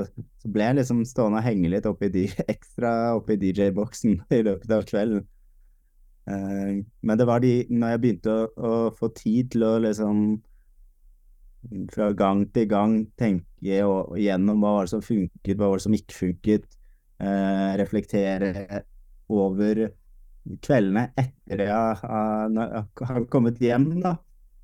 Og ting senker seg litt, og adrenalinet roer seg litt, og dagen etter og videre. Hva, hva kan jeg ta med meg fra denne gangen, og hva kan jeg gjøre bedre? Det er noen ja, paralleller der til din historie, men jeg har ikke så mange land og stater i USA, og jeg må opp og nikke litt der, tror jeg. altså, eh, det høres jo kanskje veldig ekstravagant ut, men eh, det er en veldig god grunn for det. Og det var eh, 2015, tror jeg. 2014 eller 2015 av de, en av de somrene så hadde jeg fem bryllup på rad på det samme hotellet her i Stavanger. Hvert bryllup var nesten identisk. Det var bare en sånn oppskriftbryllup. sant? De booka det lokalet, så da gjør de bryllup på den måten som vi gjør bryllup her i dette lokale type ting. Og jeg fotograferte det tredje bryllupet, og jeg fotograferte det fjerde bryllupet, og jeg bare Eirik, er det dette du vil. Sant? Sånn skikkelig Alt var cookie cutter. Ingenting var personlig. Altså, jeg prøvde jo å gjøre ting så personlig som mulig, og prøvde å gjøre en så god jobb som mulig, men allikevel det gjorde at jeg bare følte meg så dratt ned og så fastlåst at akkurat du bare tar et glatt eller bløtt såpestykke og klemmer på det, bare pjong, så føyk jeg av gårde. Jeg, jeg måtte komme meg ut.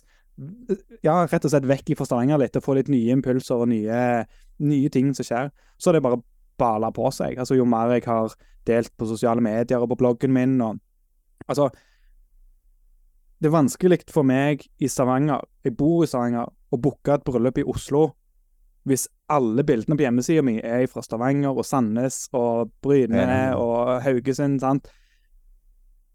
Da vil jo brudeparet fra Oslo de vil se på Å ja, ja, men han, han bor i Stavanger, han. sant? Men hvis de kan se at jeg har fotografert ett eller to bryllup i Oslo, plutselig ah, hva, hva dette? Vi må jo sjekke, men han har jo vært her før. Sant?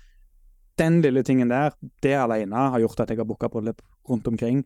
Det å kunne vise til at jeg har vært andre steder og sånn, og en ting som veldig mange spør om, er det der 'Å, ja, men har du vært der før?' Eller når de leter etter fotograf, så er det viktig at det Eller de tror at det er viktig fordi at de booker en fotograf som har fotografert i det lokalet før, eller vært på de, den plassen før, så de vet om lokasjoner osv. Fordi at da føler de seg ekstra trygge. Og jeg forstår tankegangen, men igjen så kom det der med å skrelle ned lagene og komme ned, helt ned til kjernen av hva er det egentlig så mener jeg at eh, når jeg har så mye erfaring med å reise rundt på plasser som jeg aldri har vært før, og fremdeles kan ta gode bilder, så så er det det som er betryggelsen, da. Så når jeg er på plasser som jeg vet at det er mange fotografer i det området, de pleier å gå til den plassen, ned på berget med sjøen, fordi der er det fint, og det er der alle går når de tar bryllupsbilder. Enten så går jeg ikke der i det hele tatt, og jeg overtaler mine kunder til å gjøre noe helt annet, eller så går vi der, og så prøver jeg å gjøre det samme, bare på en helt annen måte, sånn at det, det, er, en, det er en god grunn da, for å bruke meg. At det ikke ah ja, nå er vi her med dette monumentet. Still dere her, så tar vi det bildet som jeg har sett hundrevis av eh, versjoner av på, på Google. ikke sant? Altså, Da føler ikke jeg at jeg gjør en god nok jobb. Så igjen, da det, det koker ned til den der eh, det menneskelige aspektet. Altså Da føler jeg jo bare eh, snakker her, men det menneskelige aspektet med å eh, booke en person som er trygg på det de gjør, og er flink til det de gjør, og kan det de gjør.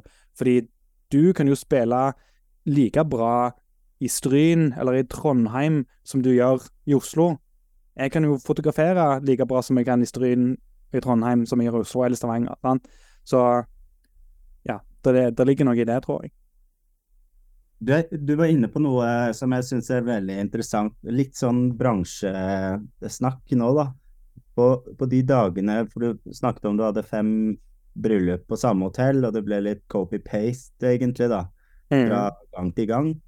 Uh, og det kjenner jeg meg veldig igjen i, og det er litt av grunnen til jeg sa innledningsvis at jeg nok ikke ønsker å kun leve av bryllups-DJ-ing eller spille kun én plass. For da blir jeg sånn jeg vil mer, eller jeg vil noe annet også. Jeg vil dette, men, jeg, men ikke bare det.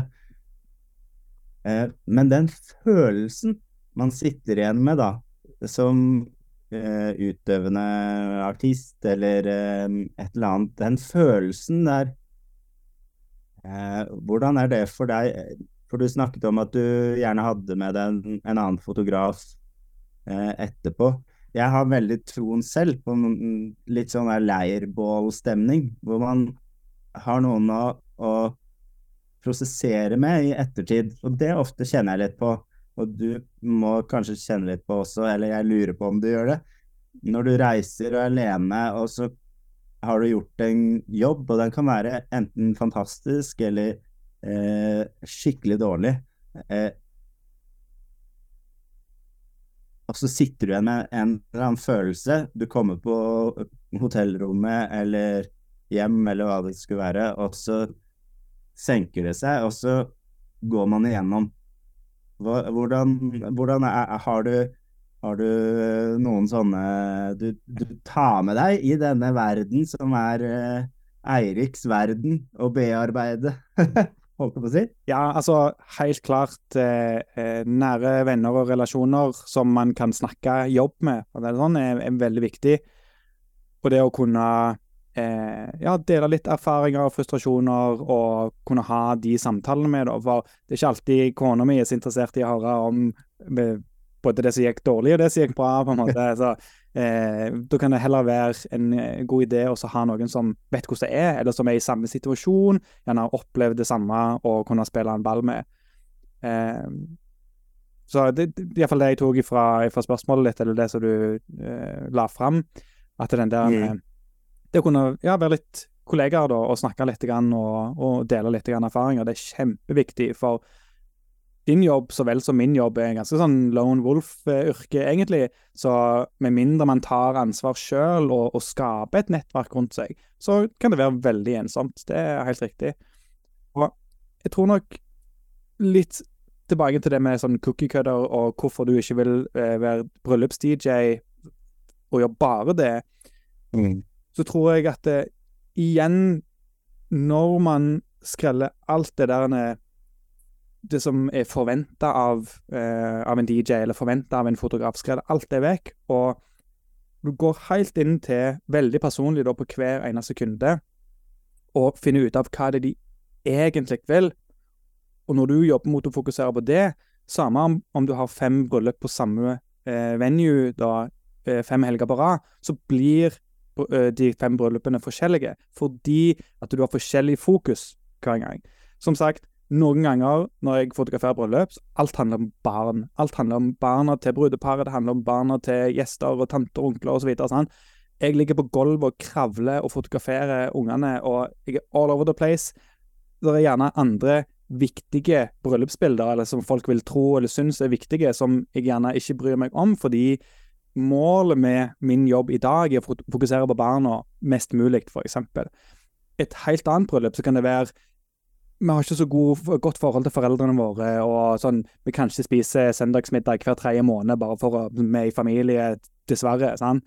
Vi, vi bryr oss om vennene våre, og vi skal drikke, vi skal shotte, vi skal ditt og datt, slips på hodet osv. Da er det jo det som er fokuset mitt, og de to bryllupene kan jo være på samme lokale to helger på rad. ikke sant?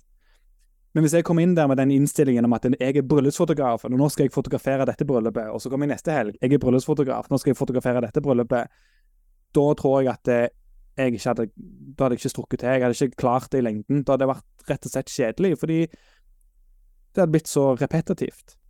Jeg hadde gjort det samme hele tida. Litt av grunnen til hvorfor jeg gikk inn på det der, var med bakgrunn i mm, når du snakket om det å eh, reflektere over hva som man gjorde bra, hva som man gjorde ehm, eh, kanskje ikke fullt så bra, eller et, eh, et, eller annet ikke helt klaffet. For det har jeg opplevd, og det kan jeg egentlig framsnakke noen eh, andre kolleger som jeg ofte har, har spilt med, eller spiller med, som heter ja, Kjetil Kamix, når jeg var uh, litt uh, på, mer på klubb men han sparret jeg mye med og hadde noen gode refleksjoner sammen med. Eh, og en som jeg spiller da, ja, ofte med fortsatt, som heter Sjur Saks, han, eh, han spiller på saksofon og er DJ. Så han kan både koble seg på det å være DJ, og vi har det veldig mye gøy sammen når han er saksofonist med meg på oppdrag, da, og vi gjør også bryllup sammen. Eh, fordi da ofte kan eh, det, det, det, som skjer da, er at man deler noen av øyeblikkene der og da sammen.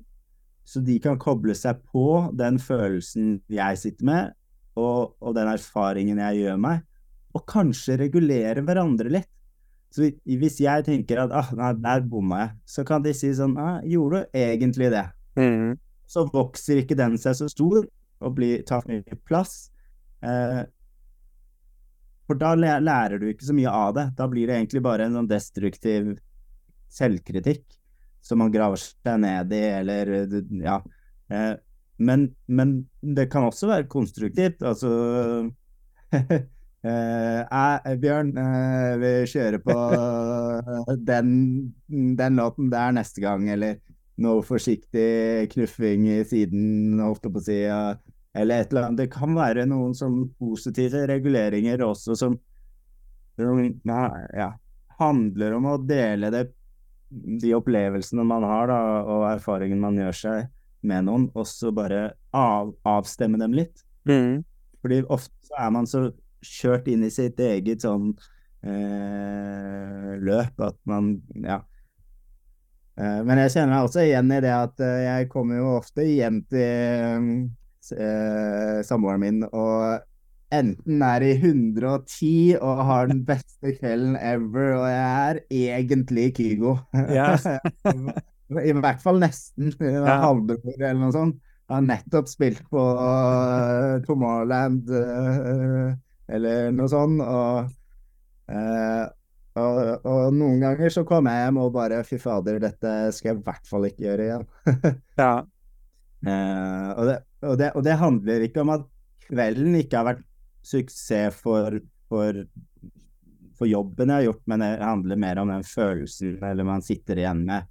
Kanskje det har vært en sånn typisk repetitiv kveld hvor, det, hvor, hvor du har fått du har, du, har, du har, gjort en god jobb, men du kjenner deg litt sånn OK, det har vært, uh, det har vært uh, litt copy-paste, da. Eller, mm.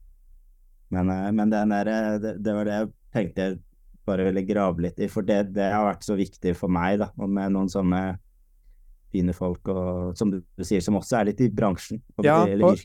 deler erfaringene med. Nå forstår jeg bedre hva du mente, og eh, Det er en ting som dessverre ikke er så normalt her i Norge ennå, men i nesten de fleste andre land så det å ha en second shooter, som det kalles, altså én til fotograf, det, det, er helt normalt. Bruden sjøl etterspør det. Sant? Vi vil ha fotograf nummer to. Fordi i et bryllup så er det mange folk, og av og til så er det ting som skjer på forskjellige lokasjoner. For eksempel om morgenen så pleier brud og brudgom å være forskjellige plasser og gjøre seg klar. Og det å være én fotograf og få med seg begge, kan være litt sånn ah, det må jeg give and take. sant? Om jeg velger når jeg skal kutte av her, og så gå til eh, person nummer to. Og da kan du gå glipp av de der skikkelig gode bildene. Fordi du er så fokusert på å, nå må jeg ta bilde av at brudgommen gjør seg klar, f.eks. Konge, nå har jeg nok bilder. Eh, avklare er det noe mer dere trenger meg til her nå, for hvis ikke så går jeg til bruden fordi at det, er sant, klokka er bla, bla, bla, sant, og så stikker jeg da. Da deler jo jeg meg i to, og så kan jeg kanskje ikke gjøre en sånn helhetlig dekning av de eh, situasjonene. Så la meg forklare bitte litt. For eksempel så kan det være at eh, far til brudgommen kommer innom med et eller annet. Kan være de har en eh, eh spesiell whisky, eller eh, det kan være han har en gave, eller det kan være han bare skal si hei. Det kan være det planlagt, det kan være det ikke planlagt. sant? Hvor det skjer noe som kanskje er skikkelig bonding, eller skikkelig sånn sant? som jeg burde hatt bilde av, men jeg er ikke der fordi jeg er hos bruden. Er du med? Ja, ja, ja. Derfor kan det være veldig lurt å ha to fotografer, og òg utover dagen og utover kvelden, det å, å være to fotografer og hva si, team up, da, og dekke, du tar den sida, jeg tar den sida, eller du fokuserer på det, jeg fokuserer på det. For eksempel bare det å Eh, den ene fotografen kan gå ut forbi med brudepar og fotografere portrettbilder, mens den andre tar og fotograferer lokale og borddekning og sånn før alle kommer og setter seg ned. Det er sånn en kjempegodt argument for å ha to fotografer. Eh, og det er alltid så kjekt når du er to stykker på jobb, du er team. sant? Og mm. eh, jeg tror nok jeg har én fotograf, en amerikansk en, som jeg har jobbet veldig mye med. Han heter Ray Prop. Vi traff hverandre på en eh, bryllupsfotografikonferanse i Portland. 2017, tror jeg. Vi var på vei til sånn bowling, sånn happening i, på, kvelden. Og så endte vi opp med å sitte på sida av hverandre på bussen og begynte å snakke, og tok, fikk en connection. Og når jeg da eh, hadde det bryllupet i Phoenix som jeg snakket om, så tenkte jeg å, dette er jo en gyllen mulighet til å hyre han til å være min second shooter. Så jeg tok kontakt med han, og så hyrte jeg inn han, og så eh, treftes vi i Los Angeles, og så kjørte vi til Phoenix sammen og gjorde en sånn greie ut av det, da. Så den, i det bryllupet så endte vi opp med å bli ganske gode venner. Det som var så fantastisk, det som skjedde i det bryllupet, var at istedenfor at han var min second shooter og var på en måte unna meg, det som det er på en måte sånn hierarki i dette her, da, iallfall i fotoverden, hvor du har en lead-fotograf som er hovedpersonen, og så har du second shooteren da, som tar alt som er alternativt. Det er litt sånn gjør det kjedelige jobbene, sant? mens jeg går og gjør de kule tingene.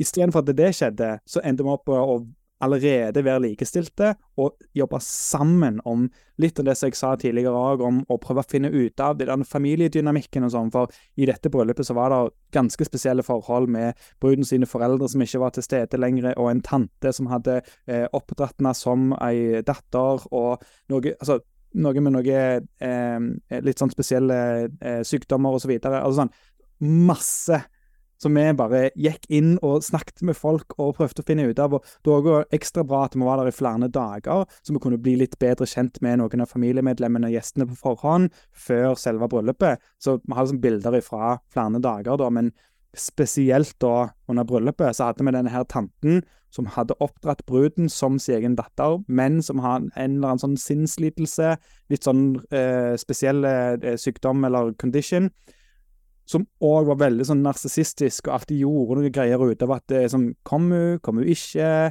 Ja, det var veldig sånn Vielsen ble utsatt i nesten en halvtime fordi at de håpte, eller bruden håpte at hun skulle komme, men hun var ikke sikker. Ja, vi kan bare vente litt til i tilfelle hun kommer, sånn type ting som det. Og så kom hun Jeg får frysninger bare av å snakke om dette her. Og så kom hun gående, og eh, da var han Ray, han som eh, var min second shooter, og han var med bruden mens jeg var med brudgommen og alle de andre. Så han fikk bilder av at hun tanten kom, og seinere på kvelden så fikk det skjedde en sånn forløsning mellom de, hvor de klemte, og vi fikk noen familiebilder med hans foreldre og eh, hennes tante, og liksom sånn Ting som ikke hadde skjedd før, som vi klarte å få kjempefine og verdifulle bilder av, på grunn av at vi var interessert i de som mennesker. sant? Uh. jeg får frysninger med. Det så fantastisk. Det er jo helt rått. Altså, igjen, det, det er bare det å kunne kalle dette for en jobb. sant? Altså, Ja, jeg er fotograf, jeg trykker på knappen og tar bilder, jeg eksponerer, jeg fanger lys inn i kamera. Men jeg, som bryllupsfotograf så har jeg bare lært over årene at det er så sinnssykt mye mer enn det. Det er så sinnssykt mye dypere enn å bare ta noen fancy bilder. Du, du, du, det, kjempekjekt å høre deg fortelle. Dette må jeg innrømme. Eh, jeg føler meg litt eh, ignorant, nesten. Ikke eh, Men jeg, jeg var ikke klar over at det var så mye makt eller følelse eller muligheter eh, for å skape så mye i den verden din der. Fordi jeg eh, For meg så, så Jeg tenker at jeg kan skape følelser ved at musikken har masse tanker rundt det. Eh, hvis jeg spiller ditt og datt, og i klubbsammenheng, så kan jeg uh, liker jeg å tenke at jeg ser, uh, ser, for meg at jeg skal være litt sånn Kirsten Giftekniv. Hvis jeg klarer å få gutta uh, på dansegulvet og jentene til å kose seg, og noen finner hverandre, og noen blir med hverandre hjem, så blir det en sånn mental high five. Da har jeg gjort jobben min. Ja, fantastisk. og, uh, men, men, at du klarer å skape det med, med, ja, med fotografier, og så fange det det må ja, jo bare altså, være enormt verdifullt for det brudeparet når det har vært, som du beskriver, da, litt utfordringer og Ja, altså Først så da blir det hvis tilfelle noen ikke fikk det med seg, så har du captured it. Wow. Helt riktig. Det, det, er det som ligger hjertet mitt nært. Det å forstå kundene mine på det nivået, og det å kunne Når jeg forstår det, det er først da jeg har tilgang til å, å fange de bildene, da. Og eh, det er vel det jeg har lært opp gjennom årene, at jo mer personlig jeg kan bli, jo faktisk mer nysgjerrig jeg kan bli på hver eneste kunde, jo bedre jobb kan jeg gjøre. Og jeg har faktisk en episode med Liz and Topher, altså det paret fra eh, Phoenix, i denne her eh, sesongen. Eh, det er første gang jeg gjør en podkast, og alt dette er helt nytt for meg. Men jeg har med de i en hel episode med masse lange samtaler, og hvor de òg snakker litt om, om det. Så eh, både for deg og for eh, deg som hører på, eh, sjekk gjerne ut. Jeg vet ikke om det blir episoden før eller etter denne her, men i løpet av noen av disse episodene så, så er de med. Og, wow. Det må, det må, jeg få med meg. Det ja. hørtes helt magisk ut. Og, det, det om dette det, snak, Jeg snakket så litt uh, vidt om med den um, med det bryllupet hvor jeg hadde malt meg og vært på pridefest uh, før og sånn. Å skape noen sånne unike opplevelser for de som er på festen. Altså dette er For brudeparet er den viktigste festen i livet, kanskje. Og for, for foreldre, for nære. Det er jo en fest som betyr så mye. Og, og hvis man klarer å liksom ja, være med på det, være med på den åh, ja, det er sånn peace love, og jeg er megahippie og svevende på sånne ting. Det syns jeg bare ja, er helt fantastisk. Ja, helt enig. Og det, og det er liksom ikke nødvendigvis deg det handler om, men det å få kunne være ei, ei eh, brikke med i spillet på en måte for å få alt dette til å komme sammen, er bare helt, helt unikt. Og eh, jeg bare understreker, jeg vet ikke om jeg sa det, men jeg skaper ikke de bildene. De, de bildene skjer jo. Jeg bare Jeg, jeg eh, Og han, min, min, venn Ray, han sier det på så sinnssykt bra måte. Han sier um, Eirik, where does the camera have to be? Altså, min jobb som fotograf, det er å få kamera det må, det, Kamera må være der det skal være, i rett tidspunkt, for å få det beste bildet, eller det riktige bildet, i den situasjonen. Hvis det betyr at jeg må gå ut av min komfortsone og gå litt nærmere enn det jeg egentlig tør, eller det jeg egentlig har lyst til å gjøre, så må jeg det, for det bildet er viktigere enn mine følelser i akkurat den situasjonen. Sant? Og det er det det handler om. Å ha tilgang til å liksom, lære å forstå hvem er viktige her, hva er det som skjer, hva er det som kanskje kommer til å skje, hva er det jeg vet om som gir meg en indikasjon på noe som jeg håper kommer til å skje i løpet av kvelden. Jeg må ha utkikk på det, sånn, ha det som mental notes mens jeg holder på med andre ting. sant? Sånn. Det er det jobben min går ut på. Ja, ja. Du er spot on. Jeg, jeg, tror vi, jeg tror vi treffer hverandre ganske godt der, altså. Og det at det, det handler ikke om meg og mine følelser alltid, men hva vi kan liksom Ja. Ja, men igjen, da. Etterpå så kan du jo høste av de følelsene, fordi selv om det ikke handler om deg og dine følelser, så kan du høste av det gode arbeidet du har gjort, og at 'yes, jeg fikk det bildet', eller 'yes, eh, det skjedde på dansegulvet', eller sant. Altså, hva nå Mm. en resultat man er ute etter, så bare boom. Åh, nå, nå føler jeg meg god. Sykt. Hvis du skulle Du har jo giftet deg, da. Og for bank i bordet så håper jeg at du slipper å gjøre det en gang til. Eh, Men eh, hvis du har noen tips til meg, da. Fordi nå kommer jeg med et lite sånn kinderegg her. Eh, og jeg har egentlig tenkt å ta kontakt med deg for en, av en helt annen grunn enn denne podkasten også. Okay. Fordi jeg, skal gifte meg. Ja. Jeg regner med at kanskje noen av de som hører på Jeg har gått i eh, virkelig bak i arkivet og tenkt sånn ah, det var den erfaringen fra det bryllup, det skal vi gjøre eh, vi også. Det skal vi i hvert fall ikke gjøre. Det skal vi Har du noen sånne ting som du bare Både som fotograf og som en spectator på et sånt arrangement, hva tenker du liksom ah, Et par sånne mm, tips og triks i ludo i, i bryllupsplanlegging. Jeg syns det er fantastisk at du spør, Bjørn. Fordi ja, jeg har selvfølgelig eh, jeg, jeg har fotografert i så mange bryllup. Jeg ser hva som funker, jeg ser hva som ikke funker. Jeg ser hva folk gjør fordi de tror de må. Jeg ser hva folk eh, kanskje heller skulle ha gjort. ikke sant?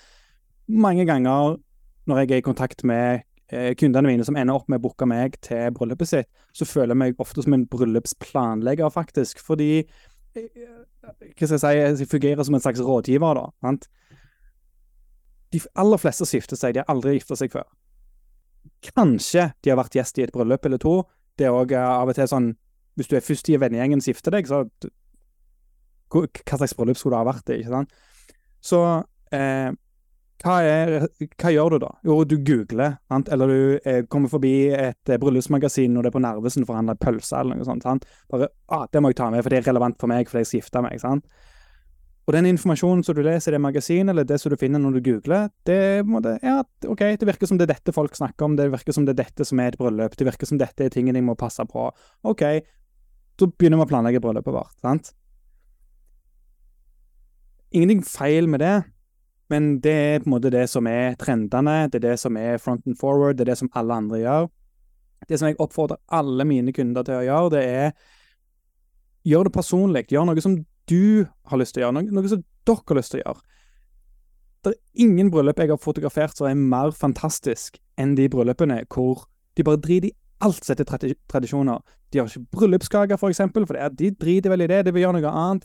Eller de, eh, istedenfor å invitere eh, perifere venner og ha 120 gjester, så tenker jeg vi skal ha 20 stykk. Vi skal ha foreldrene våre, vi skal ha våre beste venner, og sånn. That's it. OK, det, igjen eh, Vanskelig å bare koke det ned til liksom, å gi Ja, et, et råd, men, men den der en, eh, Det som jeg alltid pleier å si, det er kun én ting som du må gjøre på bryllupsdagen, og det er å si ja til hverandre. Utenom det kan du gjøre akkurat hva dere vil. Og la det tygge litt, eller marinere litt, og være et utgangspunkt for hvordan du planlegger Eller OK, la meg omformulere det litt. Istedenfor å begynne å planlegge, ta et stort steg tilbake igjen og prøve å tenke litt sånn Hvordan vil vi at vårt bryllup skal være? Sant? Vil du gå på den eh, eh, bryllupsgården, eller hvor nå enn de har sånn eh, svært maskineri og pumper ut bryllup to eller tre hver helg, og de gjør det på den og den måten. Det ser sånn og sånt ut. De har gjerne florister og ting og tang som de pleier å jobbe med, så de anbefaler deg. Og de har kokk, de har inhouse-kjøkken, så de lager mat, og de har servitører on the house. Alt er mer eller mindre tilrettelagt for deg. Konge, hvis du vil ha sånne bryllup, slipper du å tenke på så veldig mye. Men da faller du inn i den der eh, malen av hvordan et bryllup quote unquote skal være. Sant? Og ha litt det som utgangspunkt, ja, at liksom Vil vi gjøre noe helt annerledes? Vil vi gifte oss på hytta? Skal vi Hvis dere har hytta i fjellet, sant? reis til hytta. ha med noen venner, ha med den nærmeste familie. Eh, Bukken vigsler fra kommunen hytta ligger i, som kan komme og vie dere på lokasjonen. På plenen ut forbi hytta, f.eks. Eh, altså, det er så mange ting det går an å gjøre. Faktisk, nå kom jeg på et bryllup jeg fotograferte. Det var ei hytte på Brønnøya, rett ut forbi Oslo, hvor eh, brudeparet de hadde arva hytta, eller semi-arva, eller kom til å arve hytta av foreldrene hans. Og de ville ha bryllupet der. De, der var de hver sommer, og han har alle sine barndomsminner der, osv. Så, videre. så de bare satte opp et partytelt i hagen og inviterte venner og familie til å komme dertil. Og de fikk låne noen hytter av noen nabohytter som de kunne overnatte i. Så mange som sov i telt rundt omkring på plenen, som var liksom overnattingen. Og det var bare så herlig stemning. Det var Sommer-Norge på sitt aller beste. Sånn 25-30 grader og sol og blå himmel. Fra hytta gikk det en sånn liten sånn eh, Akkurat som en slags brygge over sjøen til ei bitte, bitte liten holme, hvor det var ei brygge hvor du kunne få tøye båt. Ute på den holmen hadde de vielsen, og disse veldig musikalske mennesker. De har eh, sunget i kor, begge to, og de har mange eh, venner som, var, eh, som, er musikere. Så det bar stor preg av, eh, av det i, i, bryllupet, hvor det var en som spilte på eh, saksofon, og eh, OK, jeg tenkte så bare sånn, så vidt nevne dette bryllupet, men nå merker jeg jeg går veldig i dybden. Brudgommen sto på denne holmen og venta på bruden, og der var det en som sto med en saksofon. Og så var bruden ble rodd i en båt fra fastlandet av sin far, tror jeg det var, med en annen musiker som spilte trompet. Og eneste beskjeden som trompetisten og saksofonisten hadde fått, var vi vil at dere skal eh, improvisere en slags sånn eh, Litt sånn fram og tilbake-type ting. Så den ene begynte, og den andre svarte, og spilte videre og spilte videre. Bare sånn på grunn av Nå får jeg frysninger igjen, bare å snakke om det. For det, bare, det var de. Dette er dette paret. Det er akkurat sånn som de har det, det er sånn de liker det. De har bare gått to town. Så hun kom med båten, han tok imot henne, de gikk opp, der sto det en vigsler. Alle venner og familie sto i en eh, eh, ring rundt dem på denne holmen og gjorde vielsen der ute. Og så bar det rett til hytta etterpå, med bare eh, dansing og fest, og eh, vin og øl lå i eh, sånn lite barnebadebasseng som de hadde fylt opp med isbiter. Ah, yes.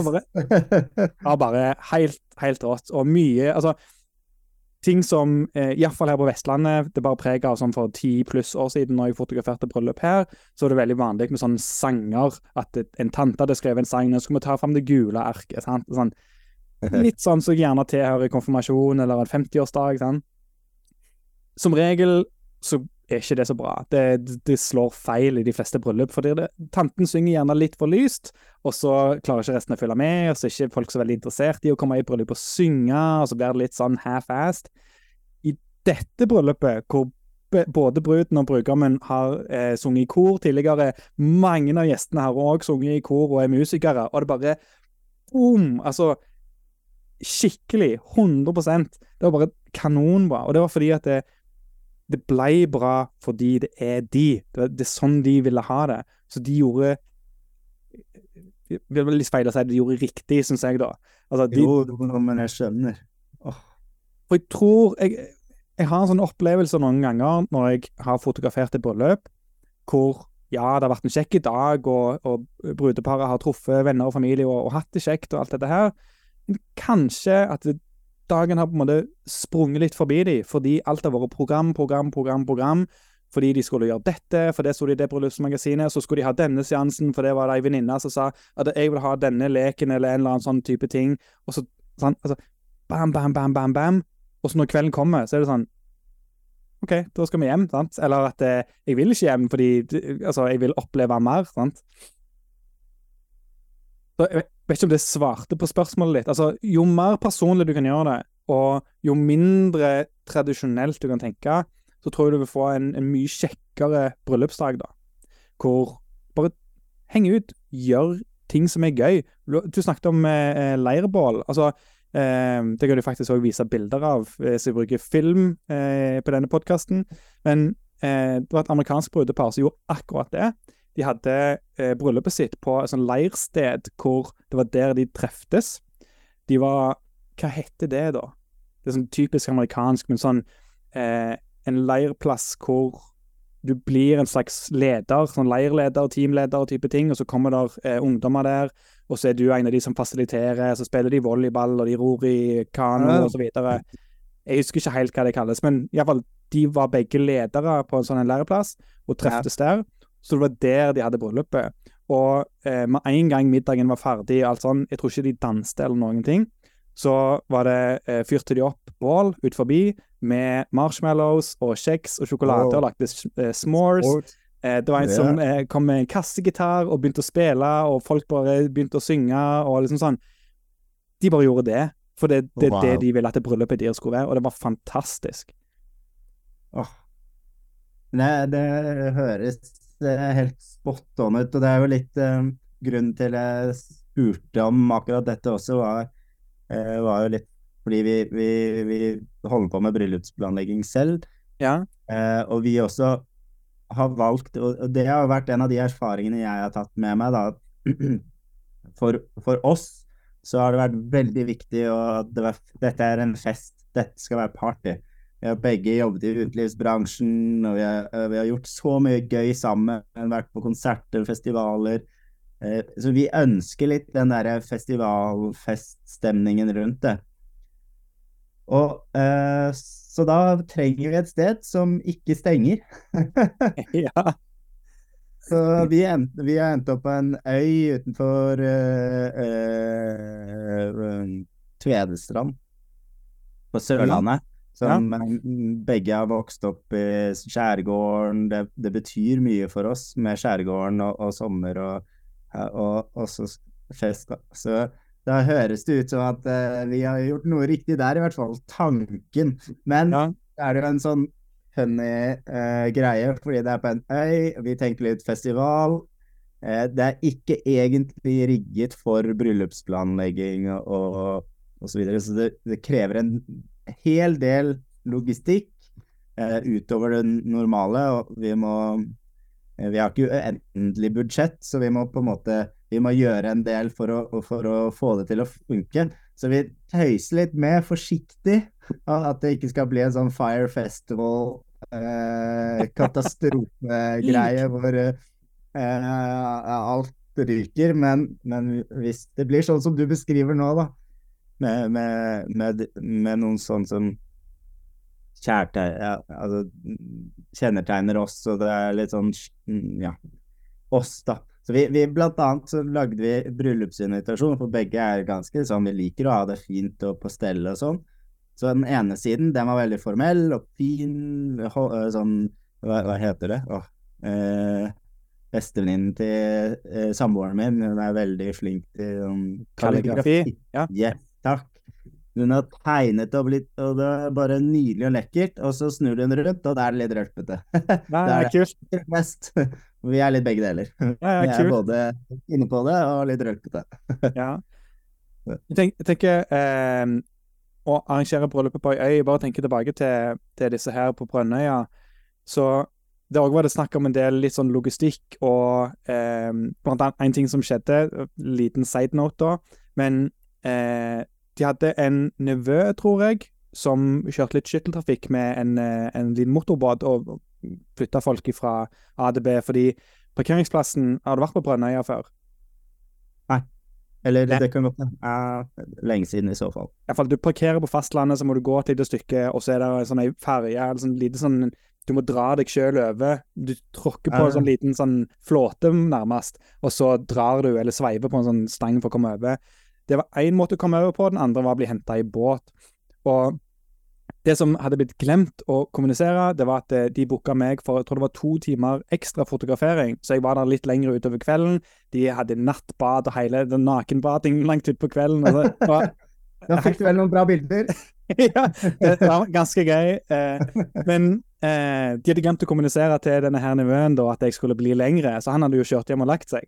Så når jeg skulle eh, tilbake igjen, så måtte jeg gå helt fra hytta helt til denne her kaien. Det var sånn en kilometer eller to eh, med alt utstyret mitt. Og så måtte jeg kave meg sjøl over denne her og dra. Og jeg var, jeg var åndsleden. Så når jeg da hadde kommet meg over til, til fastlandet og skulle gå til parkeringsplassen, så var den der Oh my God! Men eh, det var bare det var en morsom historie. Men for folk som hører på, hvis det er noen som bare har blitt sånn, superinspirerte bare Oh my god, vi har på en måte vurdert å ha DJ i bryllupet vårt, men nå er vi bare 100 overbevist om vi vil komme i kontakt med Bjørn. Where do they go? Hvordan, finner, man, finner, man, deg online? Eh, skriv gjerne til meg på Facebook eller Instagram eller eh, um, noe sånt. Eh, eh eller eh, telefonnummer kan jeg også legge igjen. Eh, så Bjørn Matsov Tønsberg heter jeg. Du finner det på, um, på ja, som jeg sa, på Instagram og Facebook. Ja, Matsov med Z og V, ja. ikke sant? Eh, M-A-T-Z-O-W. W, ja, da ser du. den, er, den, er, litt tricky, men Bjørn Tønsberg, den er ofte litt lettere. ja. det, eh, ja, det er Tønsberg som byen.